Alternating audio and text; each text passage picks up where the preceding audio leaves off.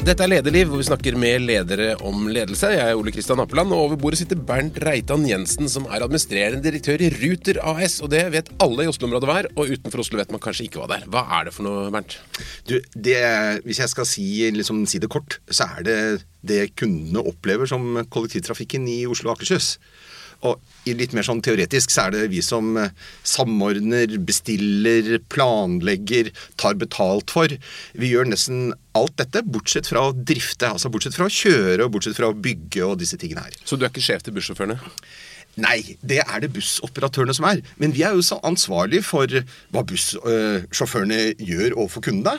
Sånn at hvis noen er misfornøyd med noe som skjer inni en buss, så selv om ikke vi er arbeidsgiver til bussjåføren, så må vi jo ta ansvaret for det. Mm. Du har jobbet her i ti år og følger en liten løype da via eh, transport. Budbil, Ilex og TNT-transport og Posten, eh, pakker og litt av hvert. Eh, lederjobb hele veien. Når var det du skjønte at du var en leder? Ja, jeg, jeg, vet ikke, jeg. Si, når, når, du ble valgt til, og hadde litt lyst på, å bli sånn tillitsmann i klassen, kanskje. Mm. Eller, eller å bli slått av noen i valget om tillitsmann i klassen. Da skjønte du at neste gang skulle du vinne. Og det var kanskje da du skjønte at du hadde lyst til å, eh, å ta på deg Være litt leder, da. Mm. Så må du ha gjort noe riktig, da, siden du har fått større og større oppgaver? Ja, Det får jo egentlig andre bedømme, men jeg syns jo egentlig jeg, jeg, har hatt en kjempemorsom jobb. Og det er jo ikke noe sånn planlagt karriere. Jeg hadde tenkt å bli det. Jeg bruker jo å si jeg havna i transportbransjen som et sammenfall av uheldige omstendigheter. Altså det er sånn, Livet er jo veldig tilfeldig. Og noen ganger blir du pekt på fordi du er på rett sted til rett sted og uh, rett tid. Og kanskje noen har sett og, uh, og noe av det du har fått til, og tenker at ah, nei, det kunne vi kanskje tenkt oss her også. Mm. Det som er litt gøy, er jo at uh, kollektivtrafikk har jo gått fra å være liksom, kanskje ikke høyinteresse, noe som alle er veldig veldig, veldig engasjert i, og som er i media hver dag, og som diskuteres masse. Du hadde kanskje ikke forutsett det da du begynte med det for ti år siden, skulle bli så hot som det er nå, eller gjorde du det? Hvis jeg sa ja, så ville jeg kanskje skryte på meg litt mer forsyn enn det jeg har, da. Men eh, allikevel litt ja. Eh, for når jeg valgte å gå fra eh, pakker og logistikk i Posten, som jo også var en kjempespennende bransje i enorm utvikling, til dette, så var det kanskje fordi jeg så at det, dette kunne bli enda mer spennende og enda mer relevant for uh, hver og en av oss. For det er jo veldig stas å jobbe med noe som betyr noe for folk flest. Mm. Noe som liksom er med på å endre dagen. Og det syns jeg vi uh, har fått til litt i, Oslo og Akershus. Mm. Det har blitt annerledes, og det har blitt bedre. Så starten var jo Det var nok ikke din feil, men du startet med noe som het Flexus, som, mange, som er et navn som kanskje mange har glemt, men som ikke ringer så spesielt godt, i hvert fall i mine ører. Nei, det var, eh, det, Dette var jo det gamle billettsystemet i, eh, i Oslo og Akershus. Mm. Det var jo på mange måter en dåpsgave til eh, Ruter den gangen. Og det var en ganske krevende dåpsgave å få med seg. For oppdraget vårt var jo å sette det i drift. Det hadde man jo forsøkt veldig lenge å ikke lykkes med. Mm. Samtidig så er jeg litt Det blir jo feil å si at man er glad for Fleksøs, men for oss var jo det en skikkelig vekker. At vi måtte gjøre ting annerledes. Dette var jo et system som ikke hadde kundebehovene som utgangspunkt. Dette var et system som liksom var til for de behovene som kollektivtrafikken hadde for å samle inn penger, og litt for å samle inn statistikk. Og det at man hadde ja, bomma litt i forhold til å skape gode kundeopplevelser, det gjorde jo at vi faktisk eh, fikk et skikkelig dytt i ryggen og måtte starte litt på nytt. Mm. Så det var egentlig bra. Med litt dårlig start så kunne det var lett å forbedre. Ja, Mens vi sto oppi det, så var det ikke Så opplevdes det ikke kanskje sånn. Jeg husker liksom når du går til postkassa for femte dag på rad, du ser på naboen at du er på førstesida nok en gang, mm. og at det ikke er positive overskrifter, så er det klart at da er det veldig krevende. Og det ble krevende for alle i dette store samspillet som kollektivtrafikken er. Mm. Ikke minst for eierne og politikerne også. Så akkurat da opplevdes det nå ikke sånn. Men, men at, det, at det førte til at vi faktisk måtte tenke annerledes, og at vi kom i gang med, med mer si, Sette kundene i sentrum av det vi holder på med. Det førte det definitivt til. Mm. Og så har det skjedd masse bra, det skal vi snakke litt mer om. Men jeg tenkte kanskje vi skulle starte med å se på fremtiden. Hvordan ser kollektivtransport ut om ti år? Altså, hvordan, hvordan flytter vi oss i Oslo-området om ti år? Hvis du får det som du vil, da. Ja, men det er, altså, det, er, det er, jo ikke sånn at her er det noen som får det som de vil. Jeg håper kundene får det som de vil. Mm. Eh, men det jeg tror, er at uh, ting kommer til å bli annerledes. Og så er det egentlig bare et spørsmål om hvor fort. Men at det kan bli veldig annerledes, det er det mange som tror. Og jeg tenker vel sånn at vi kan ikke ta sjansen på at alt dette nye spennende skjer. For hvis det skjer, og vi er dårlig forberedt, så, uh, så kan det skje en del ting som ikke er så bra. Og mye av det er knytta til om vi som fellesskap, altså om vi som demokrati, har styring med dette på en måte som gjør at vi får det som vi alle ønsker oss. Men, eh, så det avhenger litt av at vi nå gjør de rette tingene. Mm. Du kom hit- si du, du, du kom hit på, på elektrisk sparkesykkel, er det en del av framtidens løsning? Uh, ja, elektrisk mikromobilitet er sånn vanskelig ord, da. Ja. Men det, vi ser jo det at eh, Og vi trodde jo også når disse her dukket opp, at dette hadde så lavt innsteg. innsteg altså det er så lett for mange å bruke. Og hvis du tenker sånn da, hvis du er en fattig by som ikke har eh, råd til å bygge disse svære infrastrukturene som T-bane og trikk og sånn er, og du vil, ønsker å gi befolkningen større mobilitet, ja, så er jo sparkesykler en fantastisk måte å gjøre det på. Ganske billig og kan få farta på mange eh, uten å måtte bruke mye penger på infrastruktur. Men det er jo en sånn delings... Eller nå er du din egen, da. Men, men du, jeg, jeg kan gå ut og plukke en på gata her, og så er det biler som man kan eh, plukke opp. Og er, er det det som er fremtiden? At det er mye mer delingsøkonomi? Ja, definitivt. Det tror jeg. Men jeg tror nøkkelen til om dette blir bra, eh, er ikke at vi bare deler kjøretøyene, men at vi reiser sammen. Eh, For hvis vi ikke reiser sammen, hvis dette fører til at det blir mye mer individuell transport med individuelle kjøretøyer, så kommer vi til å bruke opp areal, alle arealene våre på dette her. Eh, disse bilene og selvkjørende bilene tar jo nesten like stor plass som de bilene vi kjører i dag. Og hvis vi fyller opp gater og plasser og torg og, og motorveier med dem, eh, så kommer vi til å kreve masse mer infrastruktur. Og det er det, i hvert fall i de store byene, så er det ikke plass til det. Men er det ikke noe med at de selvkjørende kjører, kjører kjøre mye tettere, og det er plass til mye flere? Jo, til en viss grad så får du litt mer ut av den infrastrukturen. Det er jo veldig spennende å se om vi kan utnytte det. Men klarer vi å putte et par-tre stykker inni hver av dem og kjøre smart med dem, så kan vi jo få en fantastisk mobilitet uten at vi trenger mer infrastruktur, og uten at trafikkbildet oppleves som veldig belastende. For det er jo ikke trivelig i en by hvor det er veldig mange ting som kjører i relativt høy hastighet på overflata. Særlig ikke der vi kunne tenke oss å bruke den overflata til noe som er hyggeligere. Til å gå og sykle og til å sitte ute og til å spasere forbi eh, vinduer med enten servering eller butikker på baksida. Det har skjedd veldig mye på få år i Oslo. Det har jo vært en, eh, en et, på sin fundamental skifte. Altså Siden eh, vi startet i Ruter for eh, ja, snart tolv år siden, eh, så har jo økningen begynner jo å nærme seg 80-90% i Akershus og 70% i Oslo. Antall, altså økte, antall økte reiser. Og for første gang i fjor så falt jo faktisk biltrafikken også, både i Oslo og Akershus. I Oslo har, er biltrafikken nå tilbake på det den var i 2007, og, og på vei nedover. Og det håpet man vel kanskje at man skulle se for ti år siden, når, når denne, si, dette starta. Men man sa jo til meg den gangen at gjør et hederlig forsøk. eh, Det er ingen som forventer at det skal gå. Men det har lykkes. Men hva er det viktigste suksess... Altså, hva er det som har bidratt mest til at, det- at det lykkes? Ja, det, er jo, det er jo fristende å peke på mange liksom, små ting, men jeg vil si den viktigste tingen er at man har valgt å bruke mer ressurser, mer penger på dette. Altså at eh, eierne, Oslo og Akershus, har, eh, gått for å investere mer i kollektivtrafikk. Øke tilbudet. Og så har vi vært eh, smarte, eh, bruke pengene bedre. få til mer effektive løsninger. organiserte mer effektivt. Sett helheten. Det var kjempeviktig at Oslo og Akershus tok ansvaret for dette sammen. For mesteparten av biltrafikken som kommer inn til Oslo, starter jo ikke i Oslo. Eh, Den starter i Akershus. Men er det, er det tilbudet som har endret seg mest, eller er det folks holdning som har endret seg mest? Eh, når tilbudet blir bedre, så, blir det, eh, så er det lettere for folk å reise. Og jeg tror at det å satse på økt frekvens der hvor det var grunnlag for å gjøre det, dvs. Si, eh, eh, få, eh, å skape opplevelsen at det bare er å gå til holdeplassen, og så kommer bussen eller T-banen eller trikken, og du slipper egentlig å planlegge, eh, det gir en helt annen brukeropplevelse. Og der hvor vi har klart å få til det, der har vi fått veldig, stor, eh, veldig mange nye kunder. Og sentralt i alt dette så er jo Ruter-appen, som er vel alle i Oslo-området den tar på telefonen sin. Hvem er det, hvor mange bruker appen?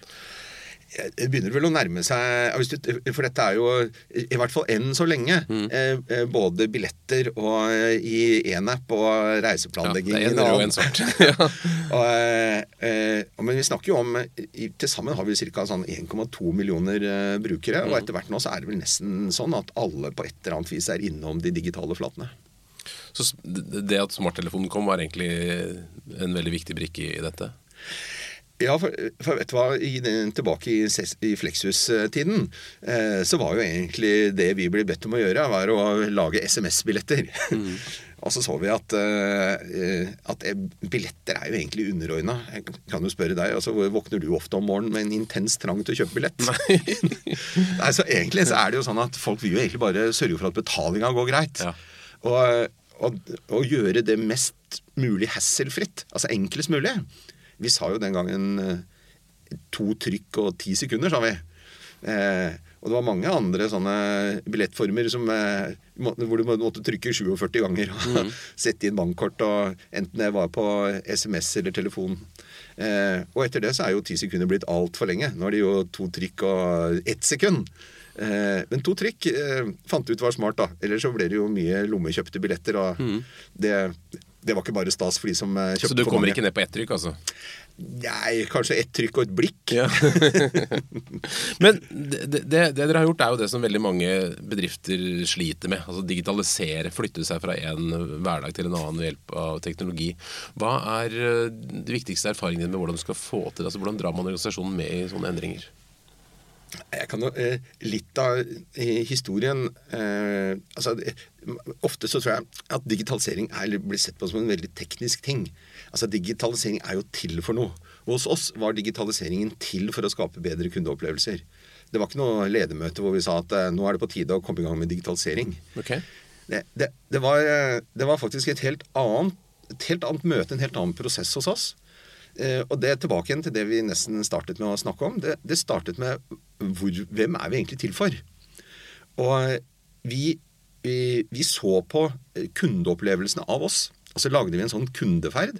Og så så vi på hvor var det kundene hadde de dårligste opplevelsene.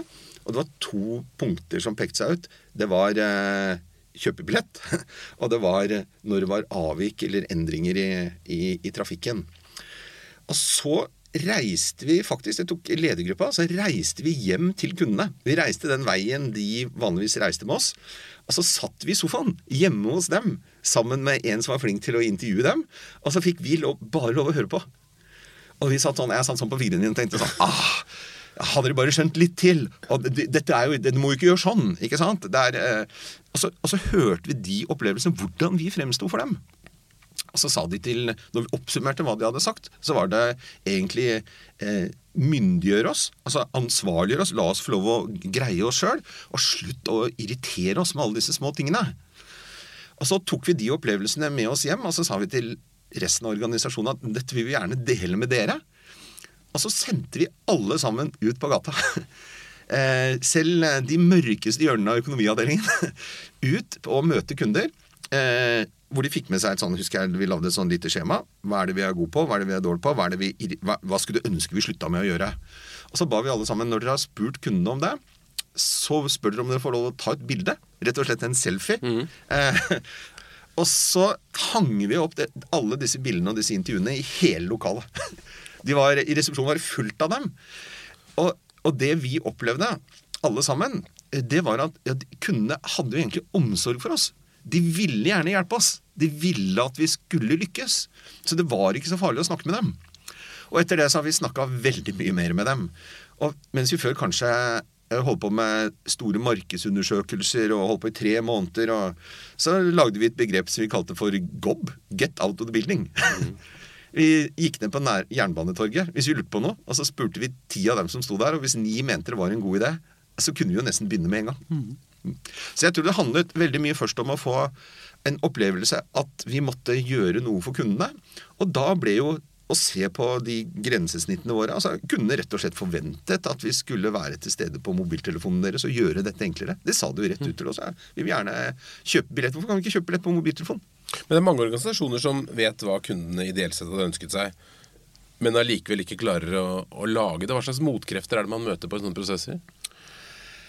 Jeg, skal si, jeg, jeg tror egentlig ikke vi har vært så fokusert på motkrefter. Når, når du spør nå, så tenkte jeg hva var det som var vanskelig? Da må jeg liksom konsentrere meg og tenke sånn, ah, har, vært, har vi vært opptatt av hva som er vanskelig? Jeg, jeg, jeg tror det, Du må være opptatt av muligheter. da. For det første, Du må se hva er det du kan få til, og prøve å hente de lavthengende fruktene først. Prøve å gjøre det viktigste først.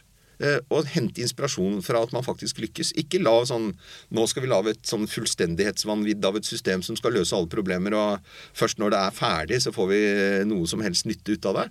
Man må begynne i det små. Mm. Eh, og, og glede seg over framgang og inspirere, fortelle gode historier.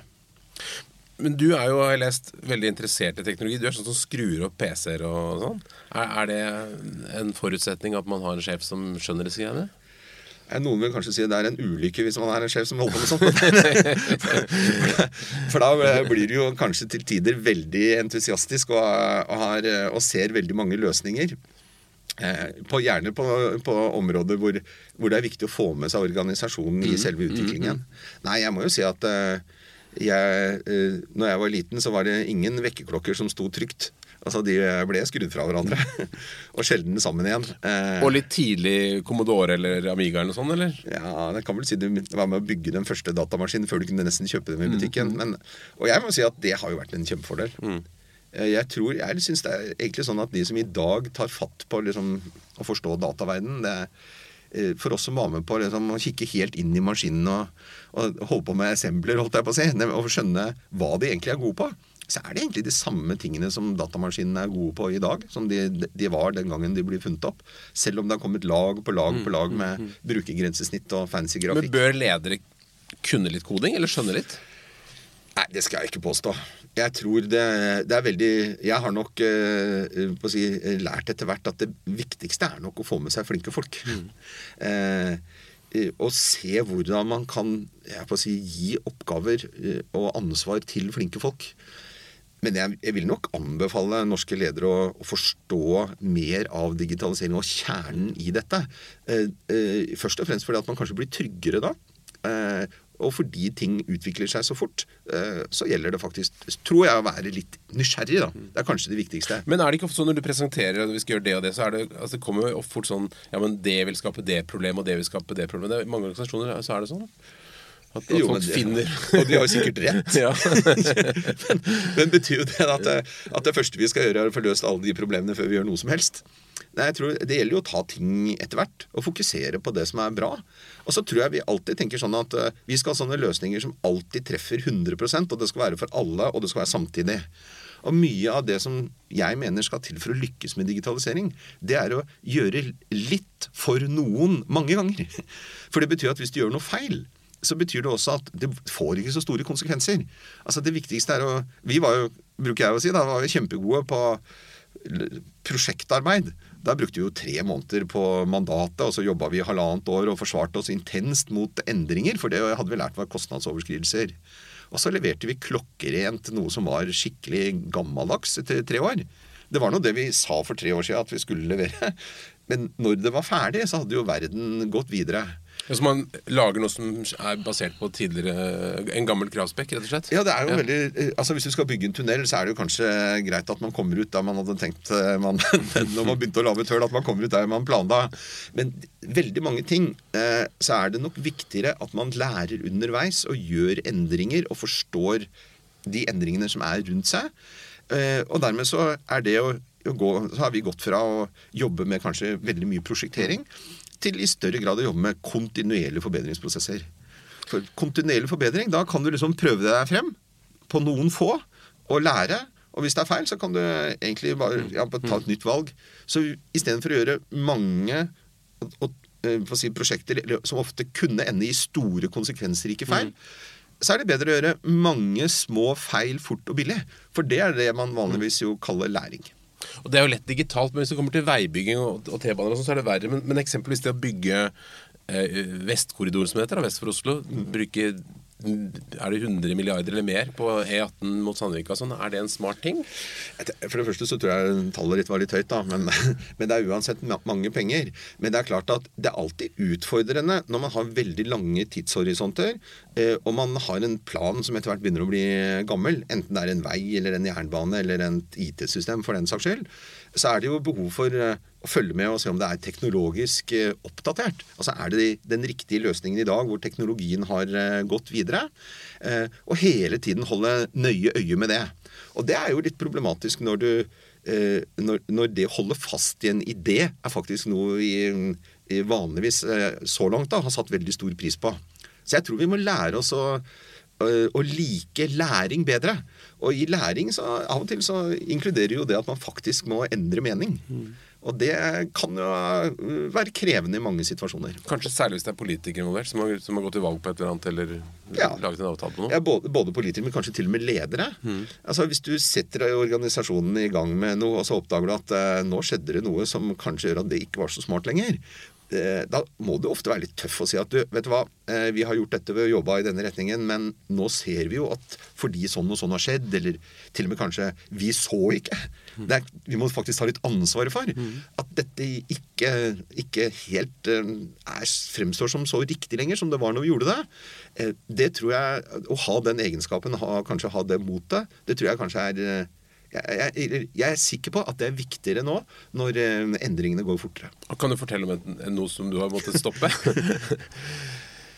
Ja, jeg, jeg tror vi gjør sånne endringer i Ruter nesten hver eneste dag. Mm. Eh, og, og mange ting gjør vi faktisk også for å lære.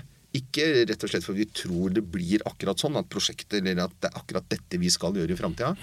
Men vi gjør masse piloter som er sånn vi, for å lære, ikke, mer enn at det er akkurat sånn det skal bli. Og det er noe vi tar med oss videre sånn, eh, når vi da skal utforme det som, vi, som blir den endelige løsningen. Så du tenker at det er noe man trener organisasjonen på? Sånn å, å gjøre ting som man kanskje ikke skal gjøre? Ja. Jeg, jeg tror eh, Hos oss har, hadde vi en kultur som jobbet med store prosjekter, og det var eh, Jeg skal ikke kalle det sånn fullstendighetsvanvidd, men det skulle være veldig, veldig veldig ordentlig. Fordi det fikk så store konsekvenser. Fordi det skulle være for alle, og alle skulle få det samtidig. Det er jo kjemperisikabelt. Det er mye smartere å la noen få lov å leke seg med en løsning og lære av deres tilbakemeldinger. Og så når si, de som er eh, ambassadører har fått lov å leke med det en stund, så kan du gi det til en litt større gru- brukergruppe som kanskje inneholder noen som er mer kritisk. Være mer nøye med tilbakemeldingene deres. Forbedre prosjektet enda litt mer. Og så kan man eh, rulle ut eh, videre. Men dette var egentlig en sånn ny arbeidsform for oss.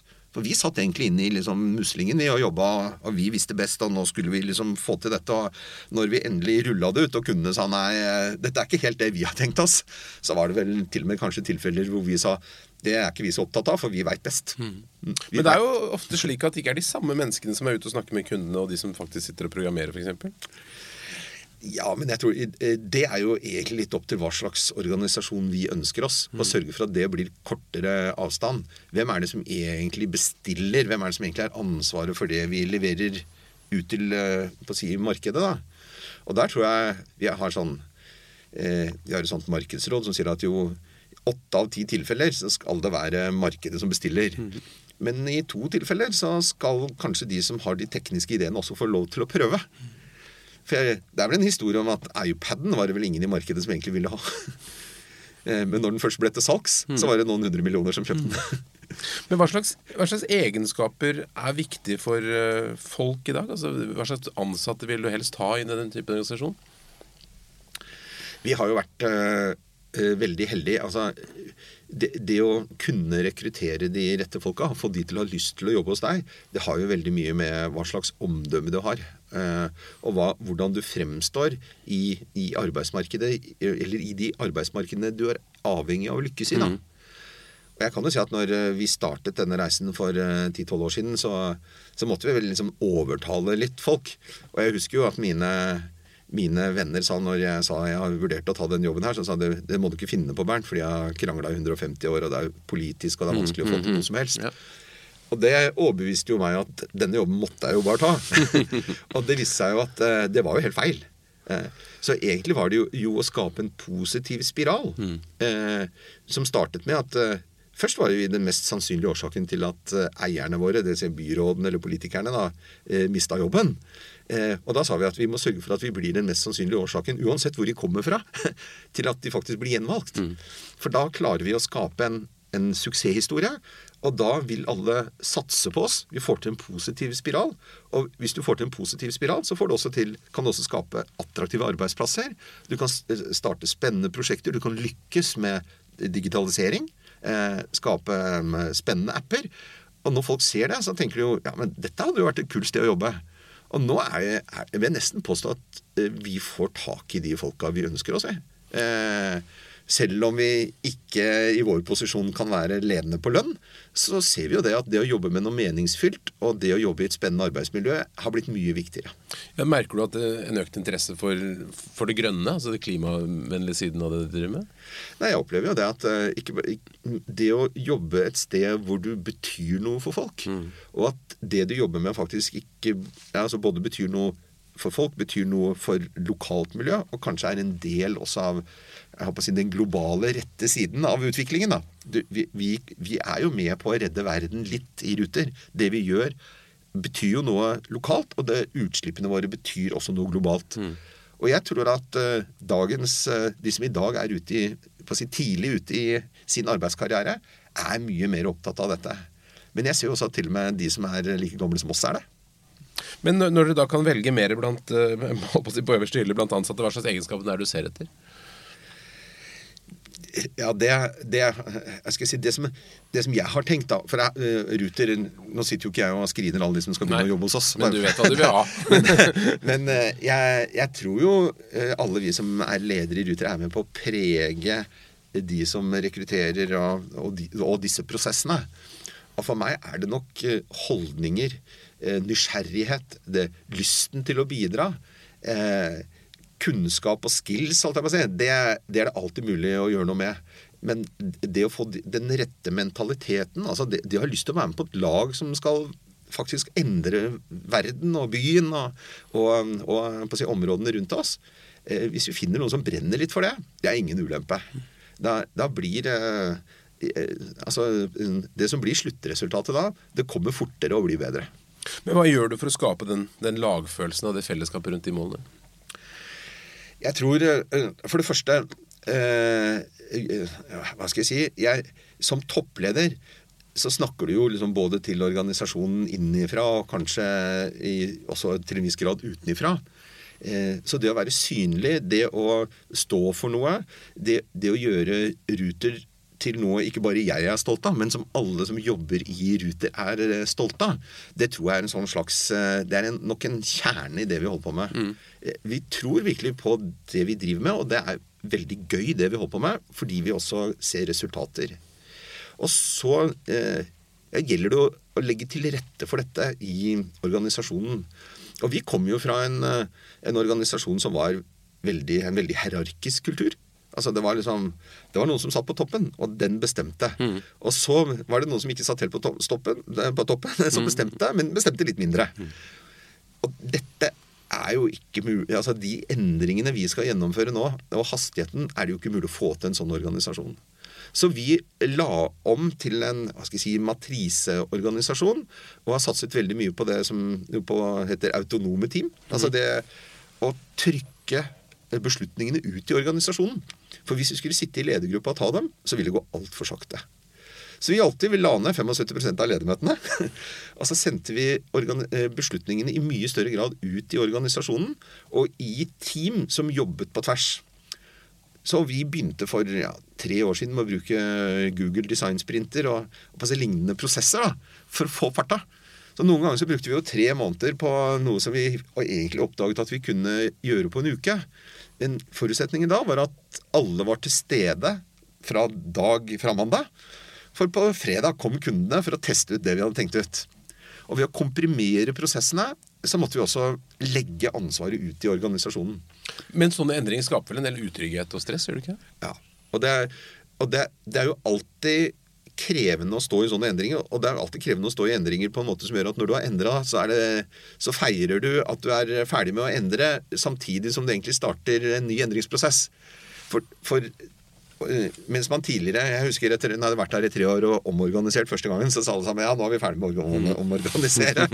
Så, nei, nei, nå har vi, har vi gjennomført første trening i organisasjonsendring. For det kommer til å bli hverdagen heretter. Altså, vi, Eh, jeg tror at organisasjoner endrer seg fortløpende. Eh, vi gjør justeringer hele tiden. Så det vi egentlig har gjort, er å lage, legge ut eller konstruere en organisasjon som har det, den iboende egenskapen at den kan endre seg hele tiden. Men hva gjør du for å skape trygghet der? For det er jo altså, endring, Alle vil se endring, men ingen vil endre seg, sies det. Altså, hva gjør du for å skape trygghet og glede rundt endringer? For det første så tror jeg det vil jeg, tror man må anerkjenne at en sånn type organisasjon som lever i en sånn verden, må kunne håndtere utrygghet. Jeg, jeg tror den illusjonen om at her skal det være veldig veldig trygt, og at det er det viktigste, faktisk er det første man må ta et oppgjør med.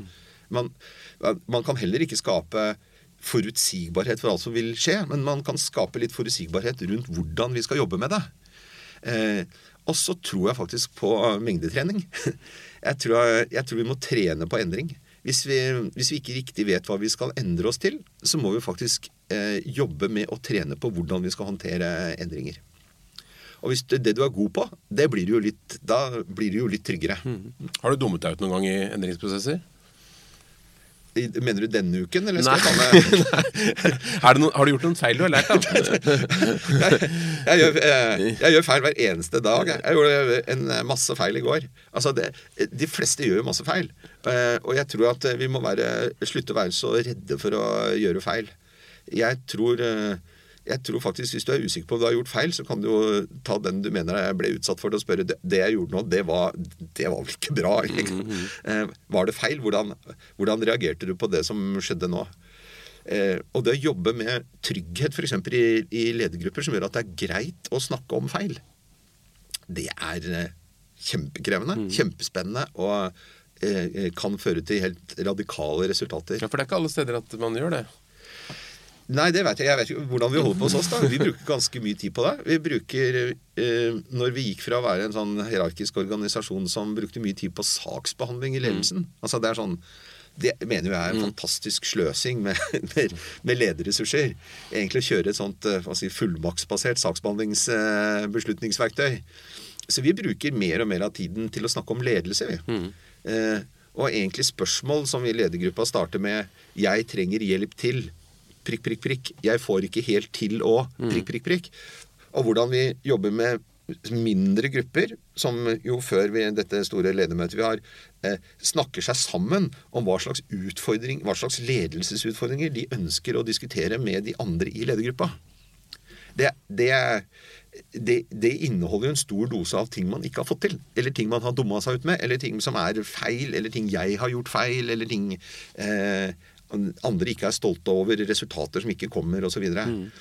Og Hvis man klarer å mobilisere så kompetente mennesker som vanligvis sitter i en ledergruppe, til å samle seg og løfte rundt sånne ting, så er jo det en fantastisk ressurs, istedenfor å sitte i et hjørne og si ja, nå, det, nå får B litt kjeft av lederen igjen, for hun lykkes ikke med det og det og det, og heldigvis er nok vi, vi er mye flinkere, vi som sitter her nede hos oss. Altså, det er sånn, det, det å mobilisere den dynamikken og den kraften som er i et eh, ledergruppe til å støtte organisasjonen i, i endringer, eh, det syns jeg vi er blitt flinkere til. Men du verden og hvor mye mer vi kan få til når vi blir enda bedre. Mm. Så, så, så, når dere da gjør mange små ting, forbedringer, så, så bør man jo feire litt. Er det, er det, er det en kultur for uh, markeringer? Er det mye marsipankake hos dere? Jeg tror uh, Der er du inne på noe som uh, faktisk har vært et tema. Vi sier at Kan vi belønne med noe annet enn marsipankake? For nå er det så mye kake at, at jeg tror liksom gjennomsnittsvekten i Ruter har gått opp.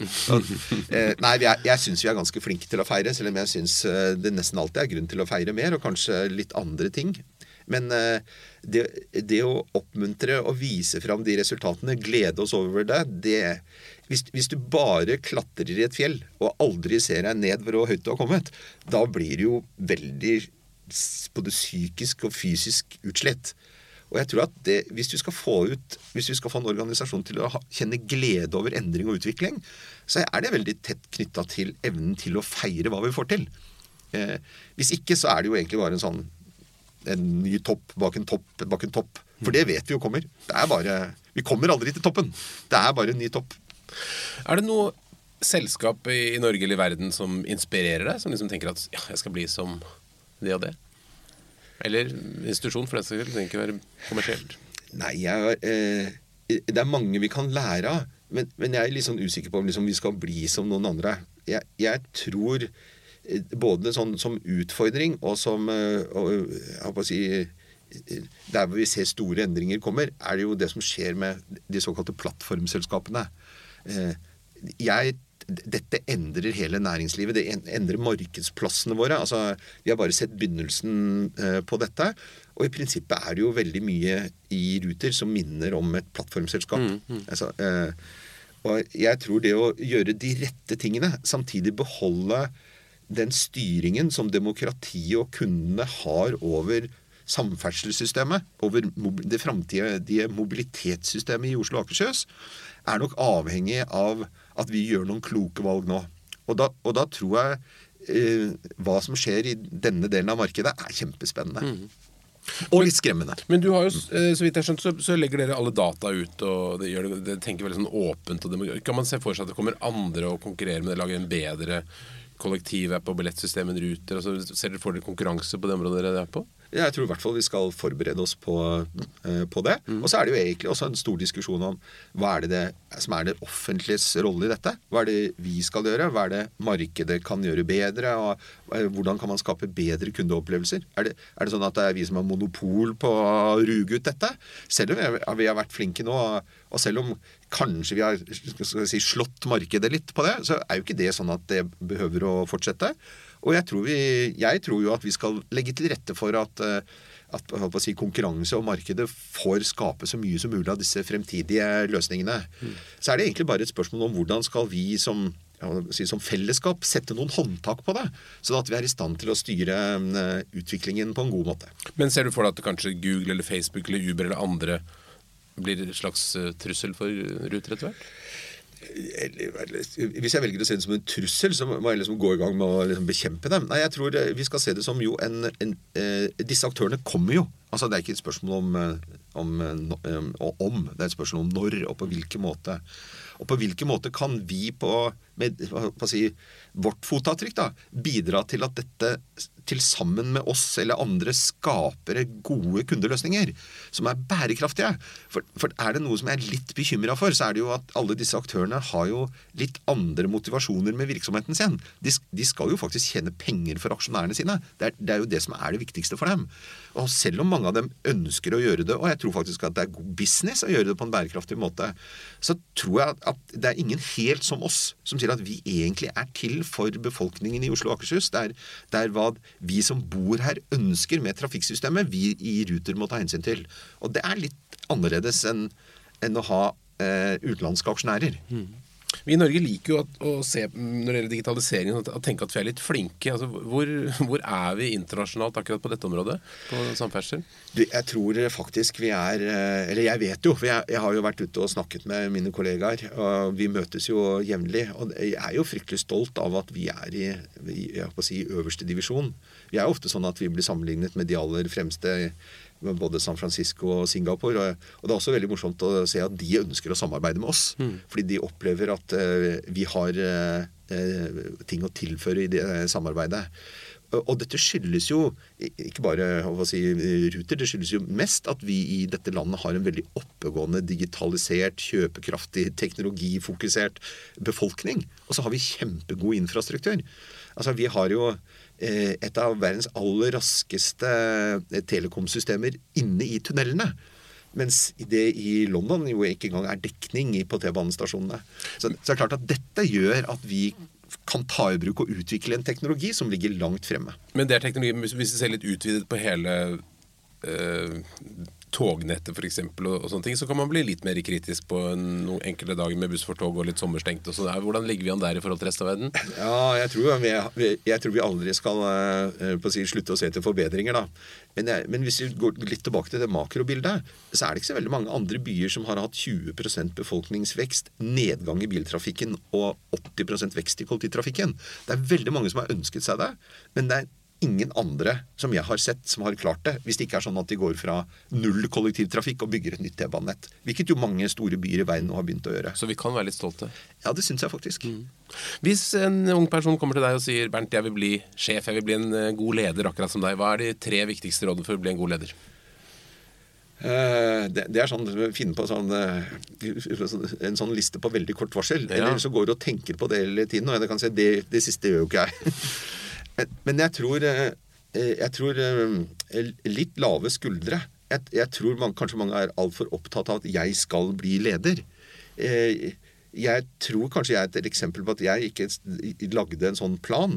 Og jeg tror at veldig mange unge i dag kanskje går rundt og er innmari opptatt av at man skal følge en veldig stram og rigid plan, for man har satt seg for at det, er akkurat sånn skal livet gå. Og veldig få av de får jo rett. Så jeg tror litt lave skuldre og, og ta muligheter når det kommer. Men, men jeg oppdaget jo tidlig i min lederkarriere noe som var kjempeviktig for meg. Kanskje er det et svar på spørsmålet. Jeg, jeg hadde et, en ledergruppe som var veldig opptatt av at uh, og jeg var veldig entusiastisk og stormet på. Og så hadde vi en sånn psykolog som kom og sa at Bernt, du skal være veldig oppmerksom på én ting. At det er én person i denne ledergruppa som, eh, som holder på å gi seg. Og du er helt avhengig av at den personen er der. Eh, fordi det er den eneste som er forskjellig fra deg. Mm. De andre er egentlig bare en sånn heiagjeng som sitter, er lett for å sette seg på tribunen. Og så har du én som liksom er litt eh, kritisk. Og, og, så begynte jeg å tenke og se at hvis vi, vi, i Norge vi er jo veldig opptatt av å vie si, livene våre til å bli middelmådige på det vi er dårligst på. Vi ser hele tiden feil. I andre kulturer er litt mer opptatt av å bli bedre på det vi er best på. Og hvis jeg skulle bli bedre på det jeg var best på, så måtte jeg være kjempegod til å finne de som var gode på det jeg var dårligst på. Og hvis jeg skulle jobbe sammen med dem, så måtte jeg endre måten jeg var på. Hmm. Jeg måtte rett og slett lære meg å jobbe sammen med folk som var veldig forskjellige fra meg. Eh, det er den eneste måten jeg kan konsentrere meg om å bli bedre på det jeg er god på. Mm. Mens jeg nok i på si, tidlig i karrieren min var hele tiden opptatt av å prøve å bli bedre på det jeg var dårligst på. Og det spiller jo, altså Der mm. gjør jo nesten ingen forskjell. Så lenge du klarer å finne noen som er gode på Så lave skuldre? Være, finne andre som er gode på det du gjør. Da har du én til du kan få lov å komme etterpå til. eh, hvis, um, hvis, det er en sånn Bare ta et eksempel. da En amerikansk eh, tryllekunstner ber noen om å hjelpe han på scenen så er jo showet over, for da blir jo scenen storma. Mm. Altså, Hvis du gjør det samme i Norge, så synker jo gjennomsnittshøyden på publikum med 10 cm. så, så, jeg tror kanskje vi av og til må ta et litt oppgjør med oss sjøl når det gjelder å være litt for beskjedne. Hvis du ser noe du virkelig har lyst til å gjøre, så den oppgaven kunne jeg tenke meg, så tror jeg faktisk noen gode lederkandidater, som ikke er de som vanligvis først står og stormer frem i køen, faktisk må ta seg sammen litt og si at OK, jeg går for den. Være litt ubeskjeden. Og si at dette har jeg lyst til å gjøre, det bør jeg også si fra. Du bør ikke bare stole på flaks og lave skuldre hele tida. Det var en veldig bra avslutning. Eh, Bernt Heiten Nessen, tusen takk for at du kom til Lederliv. Takk skal du ha. Lederliv lages av kommunikasjonsbyrået Apeland. Det er Ellen Paulsen, Lars Jarle Melum, Henrik Njå og meg, Ole Kristian Apeland, som er i redaksjonen. Og du finner oss overalt hvor du finner podkast. Du kan også gå inn på lederliv.no og Lederliv på Facebook. Og vi tar gjerne imot tips om spennende ledere som du har lyst til å høre på Lederliv. Takk for at du hører på oss.